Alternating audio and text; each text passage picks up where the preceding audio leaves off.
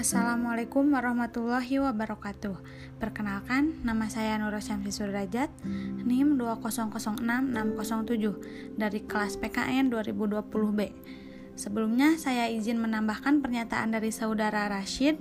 Di sini saya akan menambahkan sedikit tentang pengertian pembelajaran. Dalam arti sempit, pembelajaran itu merupakan suatu proses atau cara yang dilakukan agar seseorang dapat melakukan kegiatan belajar. Kata pembelajaran itu sendiri lebih menekankan pada kegiatan belajar siswa dengan sungguh-sungguh yang melibatkan aspek intelektual, emosional, dan sosial. Dalam arti luas, pembelajaran adalah suatu proses atau kegiatan yang sistematis dan sistematik yang bersifat interaktif dan komunikatif antara pendidik dengan siswa di kelas. Dihadiri secara fisik oleh guru atau tidak untuk menguasai kompetensi yang telah ditentukan. Kemudian, e, pembelajaran adalah suatu kegiatan guru secara terprogram dalam desain instruksional untuk membuat siswa belajar secara aktif yang menekankan pada penyediaan sumber belajar. Selain itu, Pembelajaran merupakan proses dan cara menjadikan orang atau makhluk hidup belajar.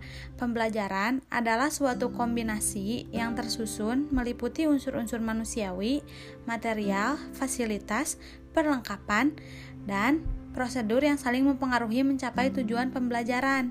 Dari berbagai definisi di atas, maka dapat disimpulkan bahwa pembelajaran merupakan kegiatan yang disusun yang disusun secara sistematik dan terprogram dalam desain instruksional untuk membuat siswa belajar secara aktif. Kegiatan pembelajaran tersebut berupa interaksi dan komunikasi antara siswa dengan guru. Kemudian dari aspek lingkungan belajar mempengaruhi dalam pemilihan strategi pembelajaran karena dengan mengetahui lingkungan belajarnya maka dapat ditentukan pemilihan strategi pembelajarannya apakah di dalam ruangan, laboratorium, atau di luar ruangan. Dari aspek besar kecilnya, kelompok belajar dapat diketahui jika materi pelajaran lebih berhasil dipelajari dalam berkelompok, maka strategi pembelajaran yang digunakan adalah dengan menggunakan kelompok. Tetapi jika pelajaran lebih baik dipelajari secara sendiri-sendiri, maka strategi pembelajaran individual lebih tepat. Mungkin e, cukup sekian yang dapat saya tambahkan. Mohon maaf apabila terdapat banyak kesalahan karena kesempurnaan hanyalah milik Allah Subhanahu wa taala. Billahi taufiq wal hidayah. Wassalamualaikum warahmatullahi wabarakatuh.